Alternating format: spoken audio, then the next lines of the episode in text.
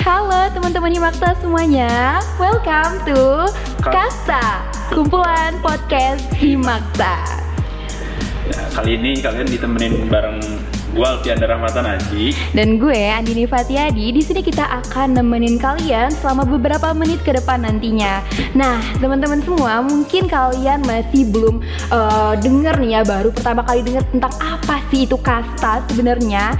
Jadi di kasta ini kita uh, berisi kumpulan podcast-podcast ya dari kalian uh, Dan juga tentunya dari di- divisi kami selaku pengurus Makta yang akan uh, membentuk berbagai podcast yang bermanfaat untuk kalian nantinya. Boleh dari mulai dari curhat-curhat sampai hal-hal yang penting semuanya bakalan dibahas di kasta ini tentunya. Nah, Aji nih, kita nanti mau bahas tentang apa sih hari ini kira-kira? Hari ini kita mau bahas tentang apa ya hal-hal yang paling di banyak diminati lah oleh para mahasiswa mahasiswi. Kayaknya kayaknya ini hal-hal yang ditunggu-tunggu banget nih pengumuman-pengumumannya. Oke, apa sih kira-kira itu sesuatu yang menarik itu apa sih sebenarnya? Kayaknya banyak mahasiswa yang apa ya nyampe masang-masang twibbon gitu buat cari-cari info juga nih buat hal-hal ini. Oke, apa sih Ji sebenarnya hal tersebut? Ini beasiswa.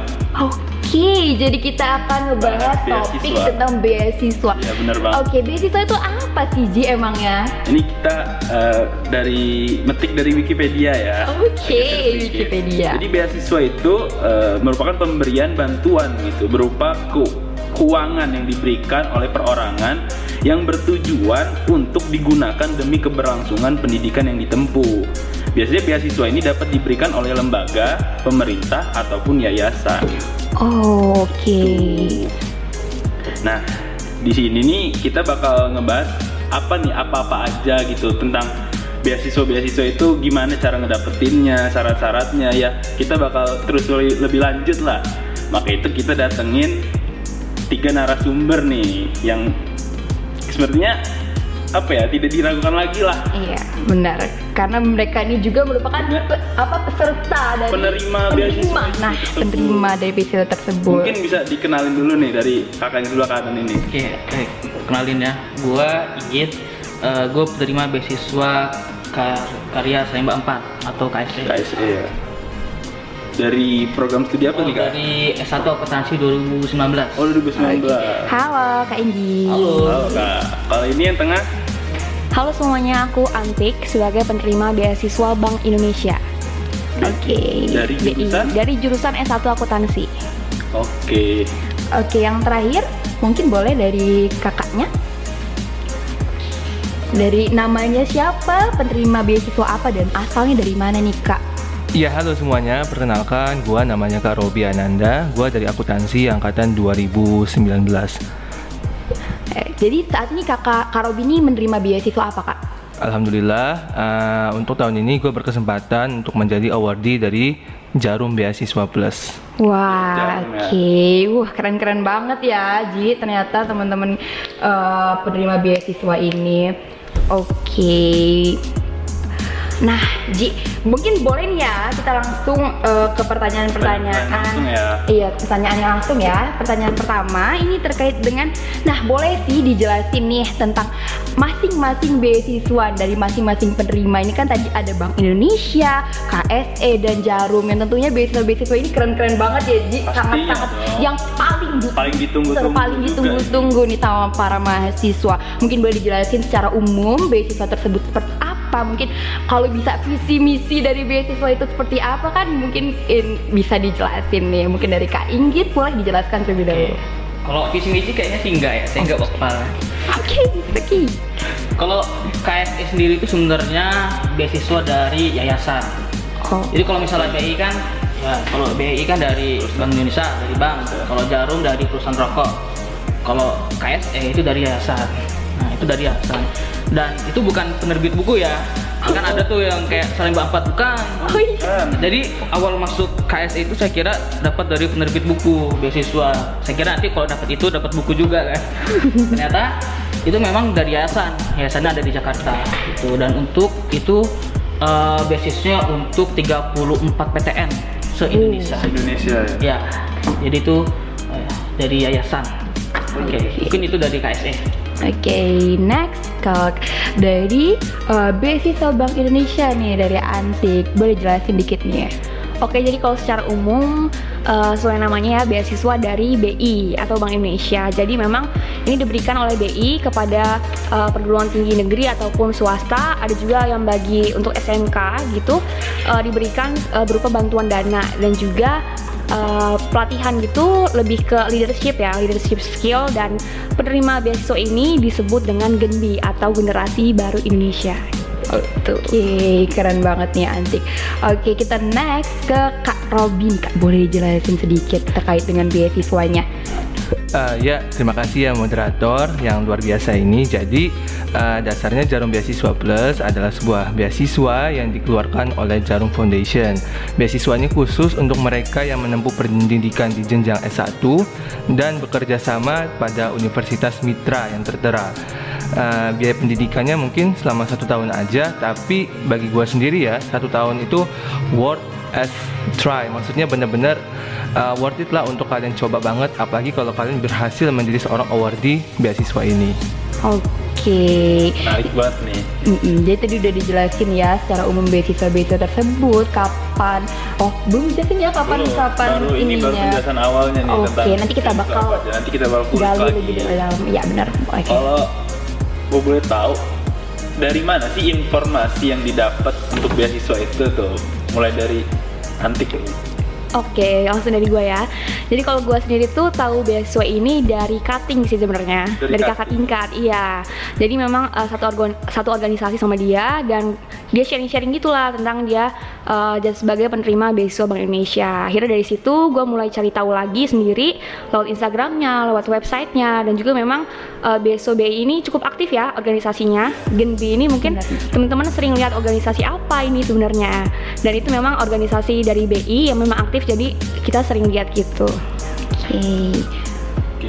kalau dari Karobinya nih itu dapat informasi dari mana nih Uh, mungkin sama kayak antik ya awalnya aku dapat informasi ini dari cutting dan dia juga menceritakan sih seberapa kerennya beasiswa ini dan awalnya sih sempat tidak percaya ya dengan segitu banyaknya program yang dia umbarkan ke aku yang dulu masih statusnya maba yang belum tahu apa-apa dan setelah aku telusurin lebih lanjut melalui sosial media melalui awardee yang lain ternyata memang ya seperti itu.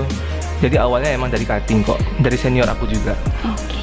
Kalau Kak Inggitnya sama sih kayak ini Oh. yang lain dari cutting. Tapi kan kalau informasi beasiswa bisa dapat dari mana aja ya?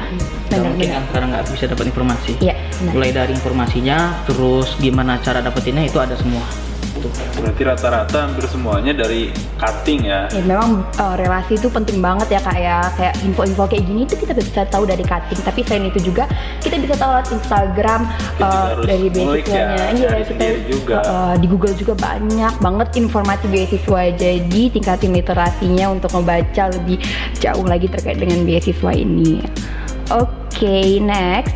Oke, Kak. Nah, jadi uh, untuk setiap beasiswa ini tentunya penerimanya mahasiswa ya, tapi boleh dijelasin nggak secara spesifik lagi siapa saja sih yang berhak untuk mendaftar ataupun bahkan menerima beasiswa-beasiswa tersebut? Boleh nih dari Kak Robi terlebih dahulu. Oke, thank you moderator. Jadi eh, tentu saja yang tadi gue udah ungkapin, kalau menjadi best one jarum itu kita minimal harus semester 4 dan nggak boleh lebih, nggak boleh kurang. Jadi kalau gue yang udah semester 6, oh nggak bisa. Dan gue yang masih semester 2 nggak bisa. Pendaftaran jarum beasiswa plus hanya dibuka untuk mereka yang berstudi di S1 di Universitas Mitra. Kalau di Lampung hanya di Universitas Lampung dan mereka yang saat ini menduduki uh, semester 4 di jenjang S1-nya. Oke, jadi memang agak spesifik ya kak ya. Jadi jangan di, apa dilewatkan kesempatan ini untuk kalian semua mahasiswa nanti yang semester 4 dan ada di Unila langsung gas daftar beasiswa Jarum. Oke, next kita move ke Kak Inggit nih. Boleh dijelasin nih kak, siapa aja yang boleh eh, mendaftar beasiswa tersebut? kalau yang daftar itu eh, sama sih kayak jarum itu S1 ya jadi S1 terus eh, untuk mahasiswa semester 3 5 sama eh, maksud- maaf semester 2 semester 4 sama semester 6 jadi misalnya eh, semester 2 nggak lolos masih bisa semester 4 Oh, itu lagi iya, kalau iya. misalnya semester 4 nggak lolos itu bisa bisa semester 6 tapi kalau misalnya semester 2 lolos misal nih eh, Alpin lolos semester 2 ini bisa diperpanjang sampai semester 8 Oh, Kalau gitu. semester apa? iya jadi kalau misalnya kan kalau eh, jarum kan satu tahun ya Heeh. satu tahun doang kalau di KSE itu sampai tiga tahun bisa yang penting kita ngurusnya kita yang ngurus langsung ngurusnya Itu Nah. diseleksi ulang atau gimana kak?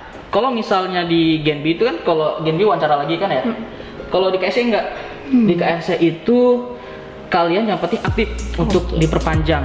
Jadi untuk syarat bisa diperpanjang itu ada di ketum dan wakil ketum. Hmm. Tuh. Nah, terus eh, untuk eh, siapa aja itu bedanya sama jarum dengan beberapa beasiswa lainnya. eh, itu kita nggak pakai SKTN. Jadi semua kalangan bisa daftar. semua bisa masuk Semua bisa ya? daftar. Tuh. Itu untuk KSE. Iya. lanjut kalau Oke. untuk BI nih gimana Kalau untuk BI sendiri memang nggak terlalu banyak perbedaannya, cuman eh, di BI sendiri ini memang eh, terdapat beberapa jurusan yang boleh untuk mendaftar.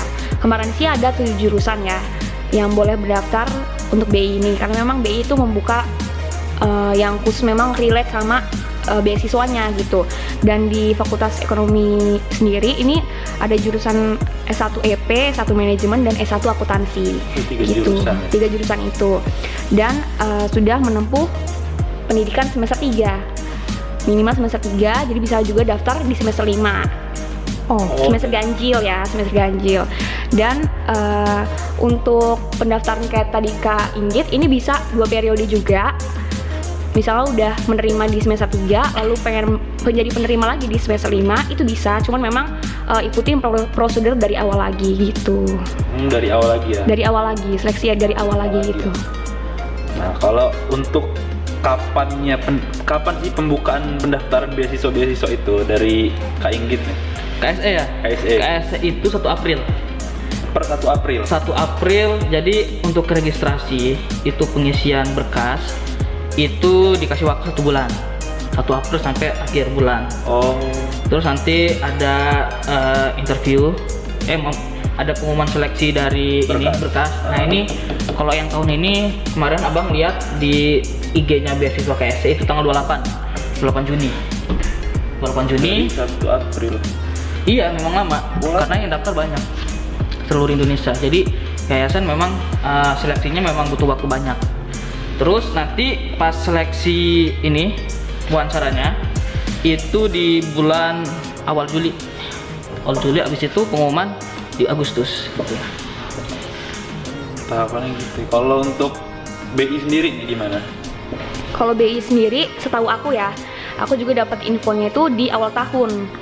Di awal tahun eh, semester ganjil. Jadi kemarin itu dapat infonya di Februari sih, kemarin kalau aku bulan Februari. Terus eh, untuk tahapannya juga nggak terlalu banyak, tapi termasuk mepet gitu. Jadi pas udah dibuka pengumuman nih kita open beasiswa Bank Indonesia itu kok kalau nggak salah ya kurang lebih kayak cuman dua minggu gitu untuk ngurus berkas berkas-berkasnya. pemberkasannya Iya, dua minggu gitu ngurusnya mepet. Iya, makanya kayak banyak yang akhirnya terseleksi alam gitu karena males, karena apa gitu. Waktunya ya, karena- Iya, karena waktunya Kalau nggak gitu. salah BI pengumuman KSC pembukaan. Ah, nah, oh Jadi kalau misalnya BI nggak dapet ya KSE bisa. iya gitu. kalau untuk jarum nih Kak Robi Em, untuk jarum sendiri mungkin agak sedikit lebih lambat ya daripada keduanya. Jarum ini biasanya dibuka di sekitar akhir Maret, eh maaf, akhir April, akhir Mei dan itu biasanya dibuka selama enam minggu. Nanti setelah kita mengisi pendaftaran, mengirim berkas fisiknya dan administrasi lainnya, baru akan ada seleksi tertulis bagi mereka yang lolos. Setelah ada seleksi tertulis, ada seleksi wawancara dan selanjutnya baru sekitar durasi 2 sampai 3 bulan setelah pendaftaran itu baru kita bisa dinyatakan lolos atau tidak menjadi beasiswan jarum. jadi di akhir ya kalau jarumnya Iya benar, biasanya sekitar bulan September pertengahan.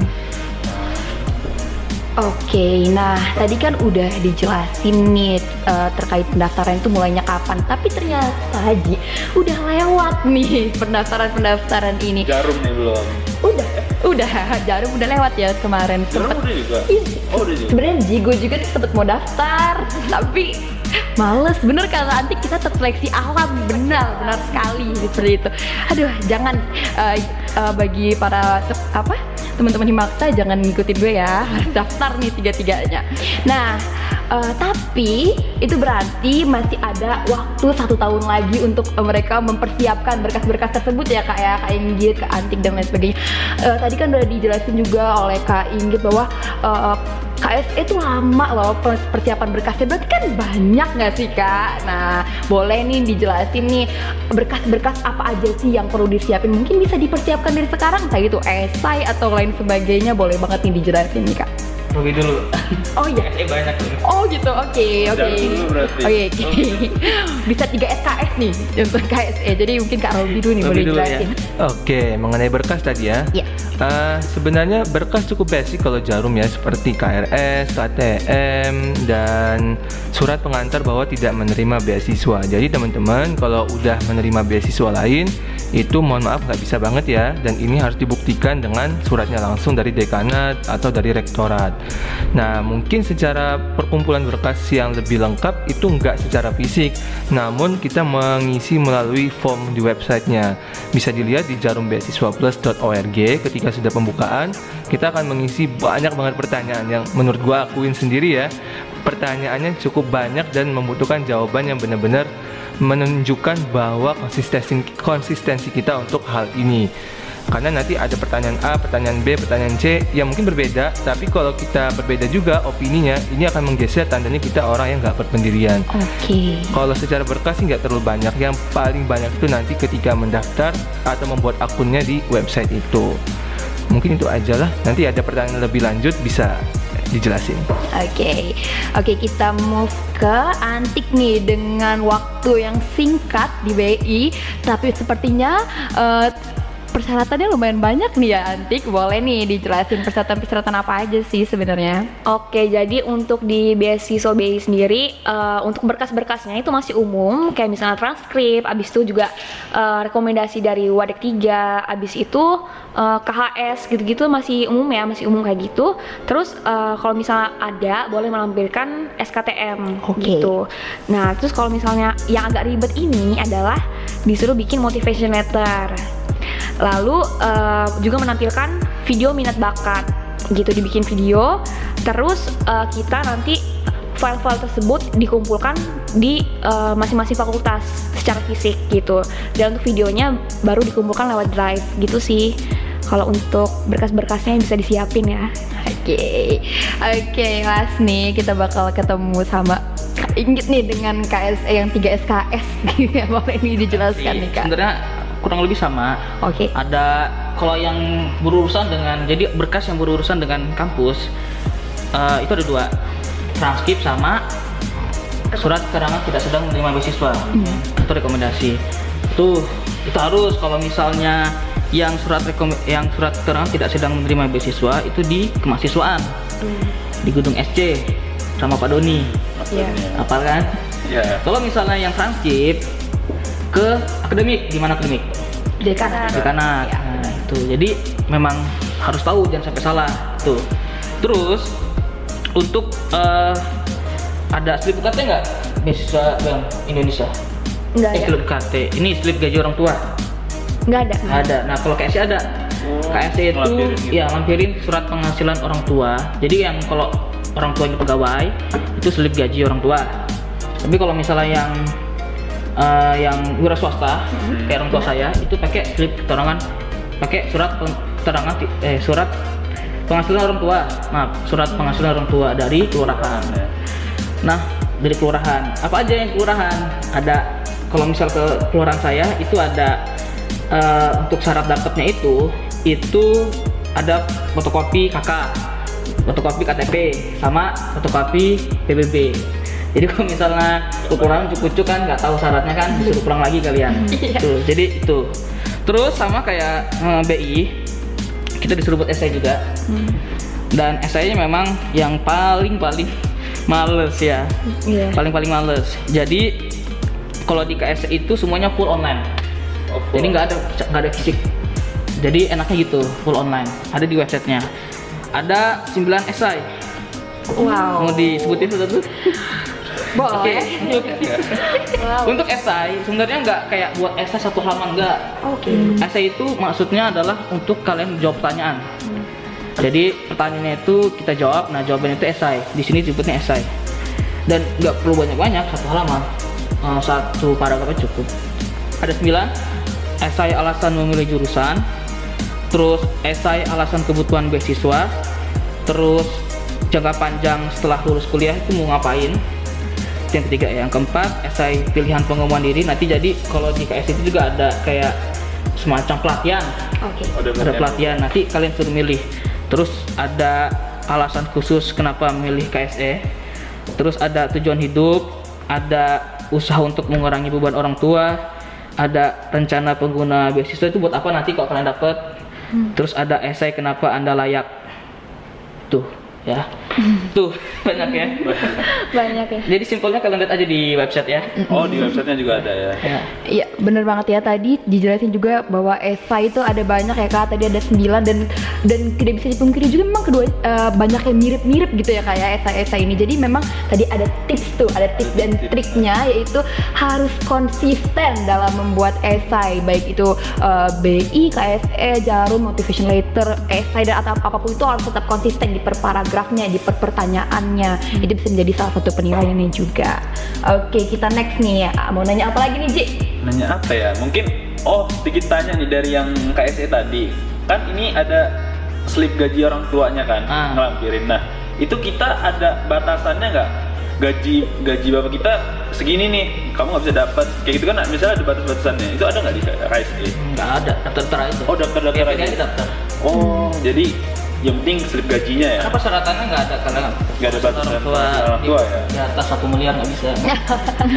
Kayak Enak berarti. Oke, nah apa kita itu pertanyaan selingan ya, Selingan ya, aja. selingan aja. penasaran Takutnya ya. ada yang gajinya kebesaran. 100 m kan susah.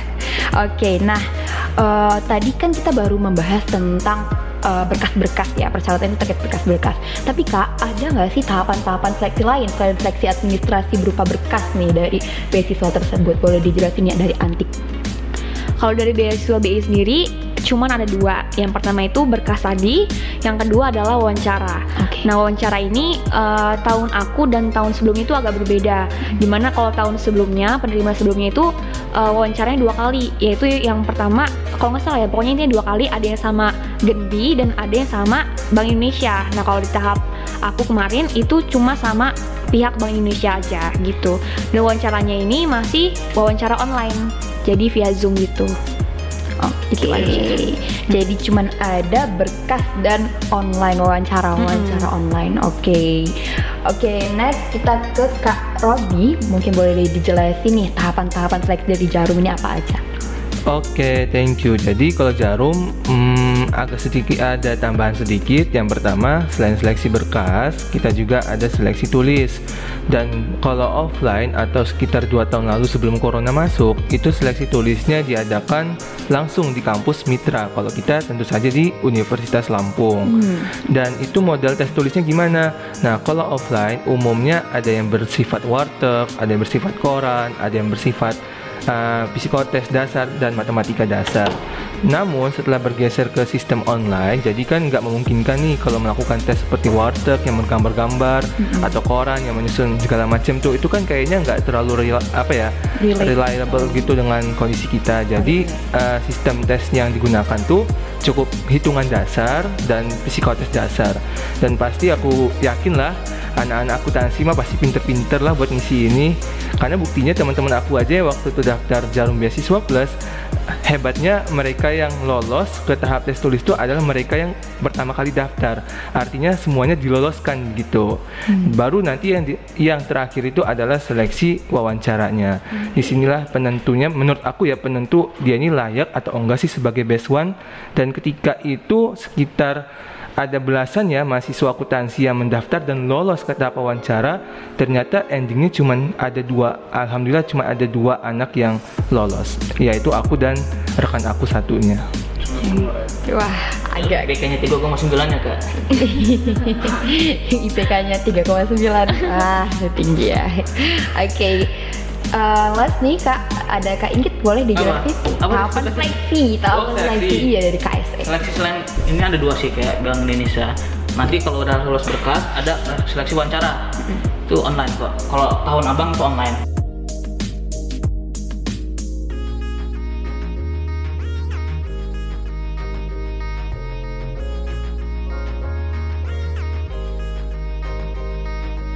Next pertanyaan nih, kalau untuk berapa persenan mahasiswa nih yang diterima untuk KSE, BI sama Jarum? Berapa berapa sih mahasiswa yang diterima itu dari KI gitu? Boleh di spill spill sedikit nih kak, biar teman-teman agak-agak tenang nih. Waduh di riset ini ya dulu ya. Oke. Karena kalau misalnya ngomongin persentase, kita kan harus lihat datanya dulu dong.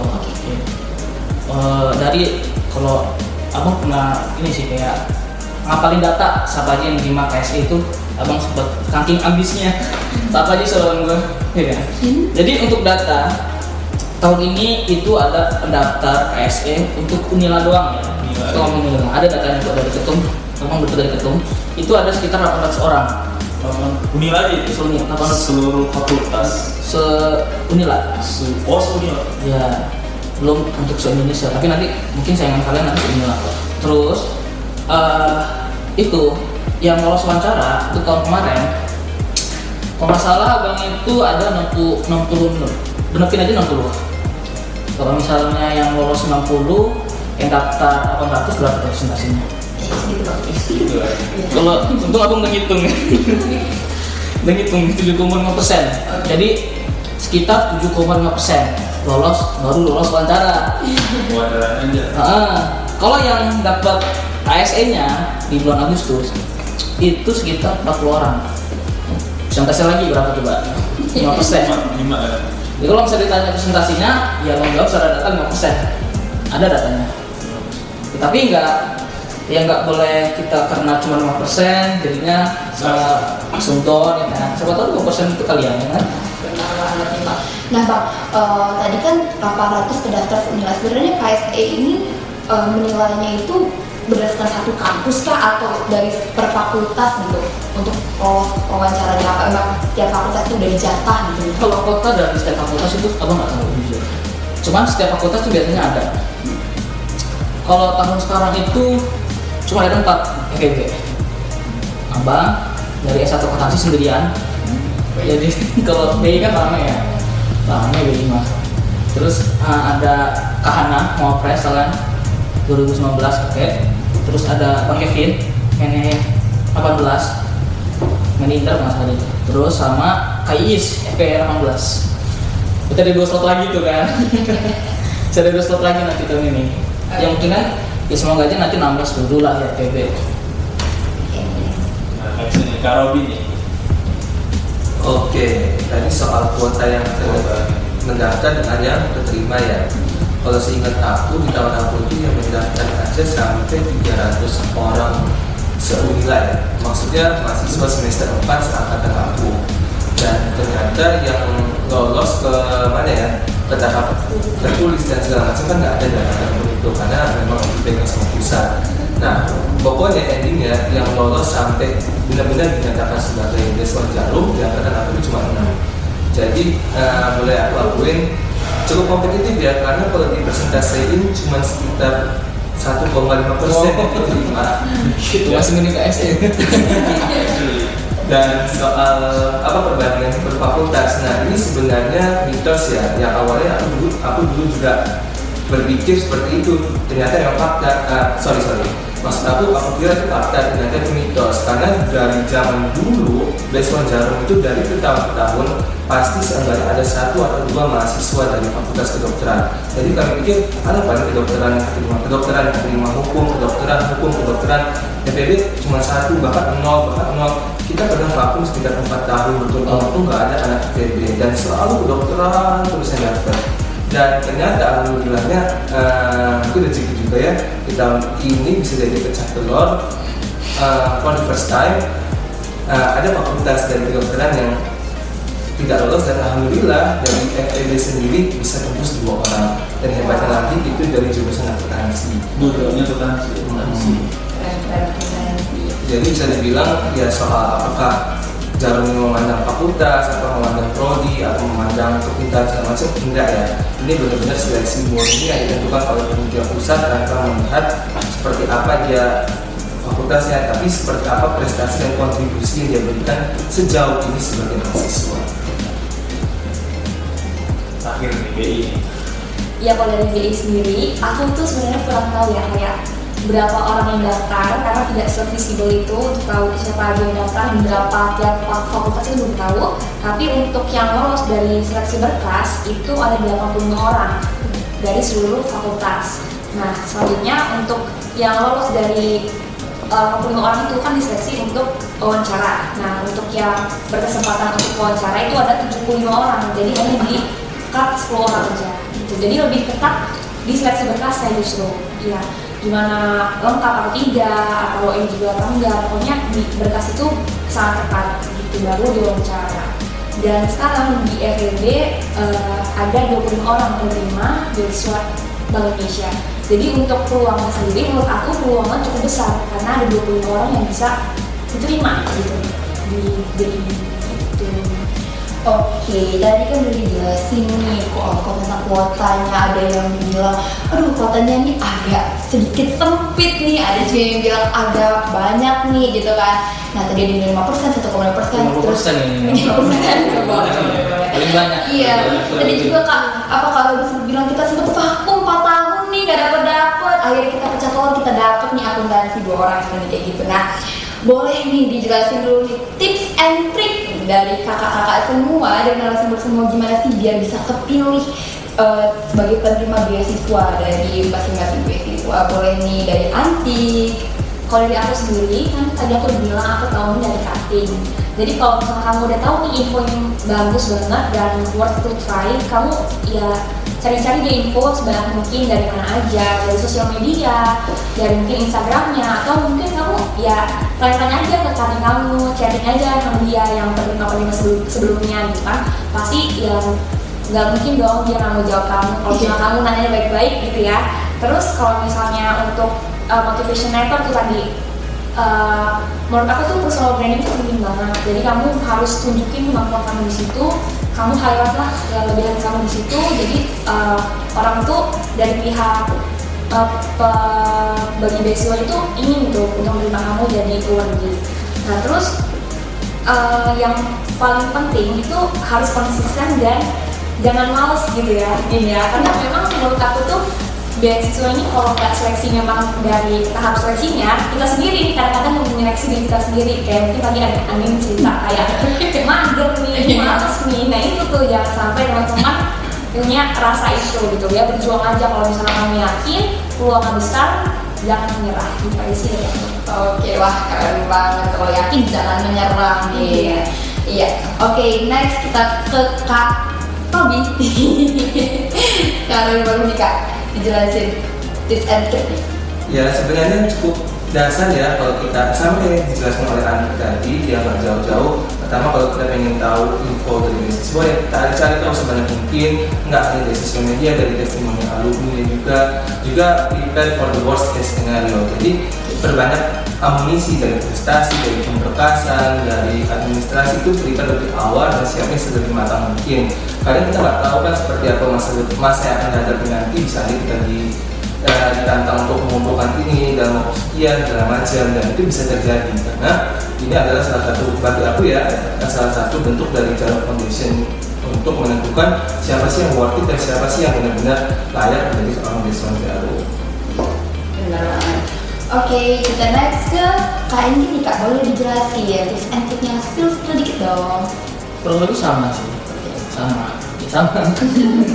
Oke, kalau khusus KSE ya kalau KSE itu eh, menurut abang kalau kalian mau daftar KS mau dapat KSE itu ujung tombaknya ada di eh, di berkas jadi kalau misalnya di website itu kan ada presentasi kelengkapan berkas kalian harus paling penting itu kelengkapan berkasnya lebih dari 95% abang 100% tapi rata-rata eh, kawan abang 98 persen. Nggak apa-apa yang penting di atas 95 persen. Intinya berkas lengkap. Karena apa? Karena untuk berkas ini yang paling banyak yang digusur. Paling banyak. Jadi memang kalau misalnya kalian lolos berkas udah masuk tahap wawancara itu sekolah kalian dapat beasiswa. Apalagi KS ya KS bisa sampai bisa sampai kalian lulus ya kan jadi benar-benar kalau misalnya udah dapat ya dimanfaatin. Terus ada lagi selain berkas di berkas itu kan ada esai. 9 esai yang saya sebutin tadi itu. Nah untuk uh, sebagai pembanding uh, yang ingin apa ya ingin seleksi itu pasti mereka buat esai. Saran abang kalau kalian buat esai KS ya itu jangan panjang-panjang. Jangan buat kayak buat satu berita enggak. Jadi buat satu paragraf aja yang penting-penting aja ya. Jadi misalnya kayak kenapa anda layak misalnya contoh kenapa anda layak ya tulis aja. Kenapa anda layak itu biasanya beasiswa kan kalau misalnya menerima beasiswa mahasiswa itu ada tiga. Yang berprestasi terus aktif organisasi terus dia memang secara ekonomi lemah.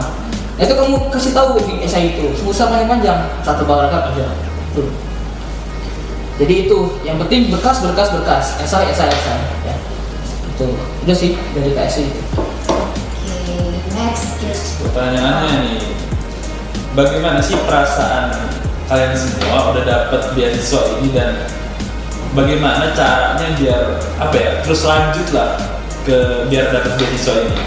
Ya, biar dapat bisa ini Biar video diperpanjang lah. Iya.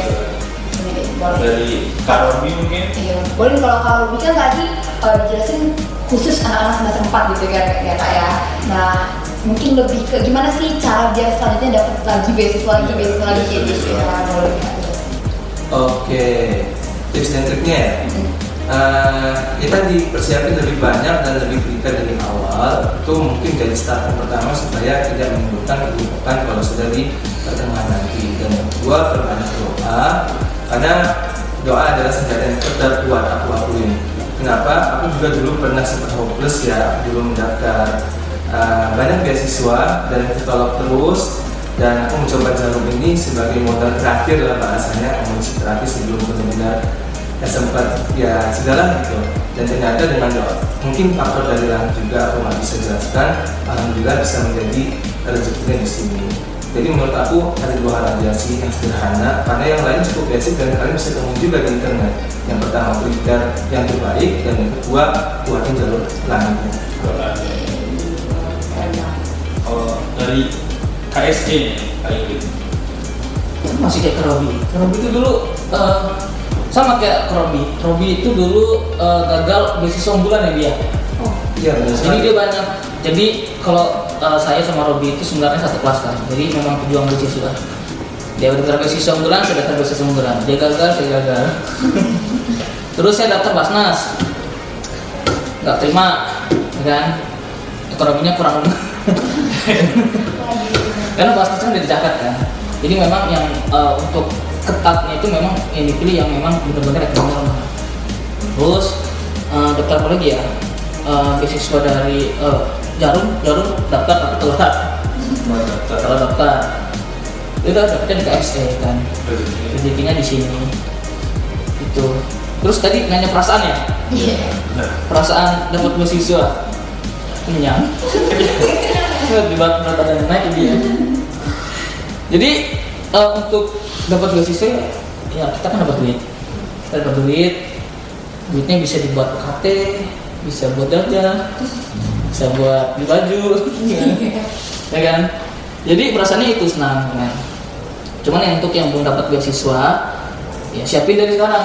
Pendaftaran tahun depan masih ada siapin dari sekarang KS ini kelurahan sekarang. Terus terus mereka sekarang. Jadi semuanya udah prepare. Apa lagi pertanyaannya? Eh, untuk lanjut ya. Untuk lanjut sangat simpel. Intinya kalian kalau di KS itu dapat aja dulu semester 2 kalau antik dapat semester 2 ya? Semester 4 ya? Kamu langsung terima ya langsung ya Iya, baru pertama kali. pertama kali beasiswa langsung. Langsung bagus nih ini tipsnya nih sama dia nih. Kalau abang kan gagal gagal. Tuh. Jadi kalau KN sangat simpel. Yang penting kalian aktif organisasi. Aktif organisasi bukan yang di luar KSE maksudnya kan? Jadi kalau di KSE itu nanti kalau misalnya kalian dapat itu ada organisasinya. Kalau di Genbi namanya kalau di ini Genbi kalau di KSI namanya paguyuban KSI inilah ya ada tuh sekernya di depan Robinson itu udah pindah sekarang. Jadi kalian harus aktif di situ. Jadi kalau kalian lanjut apa enggak itu nanti dinilai dari situ. Ya kan? Iya harus aktif di sana. Jadi kalau misalnya absen terus nggak nggak datang terus ada acara kegiatan. Banyak kegiatan di KSI soalnya di kejuan itu. Kalian bisa digusur sama yang baru daftar. Jadi harus kayak gitu kalau pun lanjut. Bisa sampai lulus. Bisa sampai lulus kalau kalian aktif itu kalau dari KSI Ini pertanyaan selingan lagi nih. Tadi kan Eh, dia ngomong. tadi ini anti belum dong Oh, ini belum ya? Oh iya, coba. Jadi sebenarnya kan kuncinya di gimana? Coba, BI. Apa perasaan? Coba Kalau itu. aku sih perasaannya seneng banget ya pasti seneng banget. Terus bersyukur juga kayak tadi recommendation juga memang kayak baru pertama kali nih nyoba beasiswa yang memang dari uh, univ diadain kan. Biasanya kan kita ikut-ikut yang di sosial media, tuh yang ngamu-ngamu libur gitu kan. banget ya Banyak tuh. banyak banget yang terima Iya, banyak yang terima. Ngupload tadi. ketiga aja Iya, ngeramein aja ya konsepnya. Iya, akhirnya terima di BI, terus dapat kesempatan yang baru yang berharga banget, seneng banget gitu. Dan untuk kunci biar bisa mempertahankan, ya tadi jadi kayak Bang Igit ya di BI kan namanya Genbi, nah harus aktif juga di situ. Karena sekarang tuh udah ada websitenya gitu, udah ada websitenya. Iya, jadi harus absen terus kalau misalnya ada Cepat ya? kegiatan apa pun, iya. Terus kayak absennya harus ada mukanya gitu. Jadi nggak bisa Oh. ya bisa joki-joki gitu ya. Jadi berusaha aktif di situ. Terus ya mempertahankan eh, IP mungkin salah juga ya itu tetap aktif organisasi juga di sini ya memperkaya diri terus kalau kayak diri dengan skill ya tentunya tapi kalau selalu mandi juga boleh juga sih. Terus eh, karena kita memang pasti dapat info yang pertama ya harus cepet-cepetan lah sama yang lain gitu setelah Iya, memang berarti salah satu kunci itu manajemen waktunya harus bagus ya, baik organisasi maupun akademisnya harus pas. Iya oke. Mana nih? Tadi kan ngomong kalau di BI ada GMI, kalau di KSN ada paguyuban kan. Kalau di Jar- Jarum ini ada nggak Karoli? ya. gimana Karoli kalau di Jarum ada organisasi yang menaungi awardi-awardi yang terima Iya, kalau di pus di Bandar Lampung sendiri sih ada namanya Deson Jarum, tapi seperti nggak terlalu formal gitu sih, masih bersifat seperti komunitas saja, tidak ada program yang semakin seperti di Genbi sama di paguyuban KSE. Cuman kalau di pusat tidak ada namanya ya mungkin kayak himpunan lah ya, seperti komunitas jarum secara nasional atau secara regional itu pasti ada. Dan ya sama mungkin nggak terlalu matis banget tapi tetap menjalin seperti bonding brotherhood saling kenalan itu tetap ada. Jalan ada jalan-jalan ini ya? Jalan-jalan ya dia? Ada jalan-jalan ya Jarum ada kalau sama offline ada jalan-jalan wah hebat banget Dari beasiswa dan jalan. Relasinya juga Iya, jalan. ada. kemarin ke pantai first meet enggak maksudnya yang kayak pelatihan pengembangan itu Uh, pengembangan sih paling ya di gedung BI-nya Oh. sih. Iya. Oke, last but not least nih kak, pertanyaan yang terakhir kita pengen eh, minta apa ya kasih masukan dong kak buat adik-adiknya. Saran masukan. Entah apa itu semangat atau apa. Biar mereka ini terpacu untuk mengikuti beasiswa beasiswa yang kakak jelasin ini boleh ini dimulai dari kak Anti. Kalau aku kuncinya ya tadi ya jangan mager jangan males. Kalau ada peluang kejar aja sampai kamu dapat. Kalau misalnya belum dapat ya coba lagi sampai dapat terus jangan lupa berdoa saling semua ke Tuhan apa pun yang kamu lakuin kamu bisa lakuin tapi Tuhan yang nentuin jangan lupa bersyukur juga semangat terus belajarnya perkaya diri dengan skill apa pun itu terus belajar oke mungkin boleh dari kak Inggrisnya nih Oke, sebelumnya aku mau review dulu tadi pernyataan aku tadi ya. Tadi bilang tadi ada kotanya 40 ya untuk paguyuban KSE inilah eh, KSE. Eh, sebenarnya itu tergantung yayasan ya. Ini koreksi ya. Nanti kalau misalnya upload di YouTube kan takutnya ya kan bisa bisa 40 bisa kalau tahun tahun tahun ini itu 40 395 bisa aja 50 cuman eh, untuk perbandingan tadi persentase tahun ini tuh ada 39 40 ya cuman bisa aja lebih bisa lebih bisa kurang Jadi pertanyaannya ini ya, apa? Tips ya? Ah, lebih ke Oh, saran. Ini Oh, iya, ya. saran. Saran untuk kalian semua ya, daftarin aja semua beasiswa. Daftarin semua beasiswa, coba semuanya yang B, ada BI, ada BI, terus ada Jarum, ada KSE, ada Ethos, oh, Ethos dari dompet itu apa? Nah itu lumayan juga tuh. Terus ada apa lagi ya? Ada eh, bidik misi ya udah dari Imaba ya. Terus ada beasiswa unggulan. Kalau beasiswa unggulan khusus kalian yang maba. Jadi baru masuk bisa daftar beasiswa unggulan sama sampai semester 3 Nah baru semester 3 nanti baru daftar yang BI, Jarum dan lain sebagainya itu ya. Saran dari abang daftarin aja semua beasiswa. Oke, Oke, Les, boleh nih Kak Robi kasih closing statement buat eh, teman-teman semua biar makin semangat nih untuk mereka di Oke baik, thank you ya. Jadi kalau untuk ini kan podcast, podcast pasti buat adik-adik yang semester 2, semester 3 yang sedang mencari atau sebagai scholarship hunter ya. Aku cuma nyaranin dua. Yang pertama pertahanan IP sangat penting, jangan kurang dari 3,5. Apalagi kan selama kalian di akuntansi, kakak yakin lah kalian itu pinter-pinter kok. Akuntansi ini jurusan ya one of the best uh, study program di Unila ya. Kita udah atur itu. Dan yang kedua, eh, organisasi ya guys ada berbagai organisasi ada mungkin puluhan organisasi di Unila bahkan belasan di FTB sendiri kalau bisa aktiflah di satu minimal dan jangan anda menjadi orang yang nolak atau tidak mengikuti organisasi. Karena selain itu secara implisit mempengaruhi bagaimana kita menghandle wawancara menghandle situasi itu juga menjadi syarat tertulis dari eh, mendaftar beasiswa calon itu sendiri.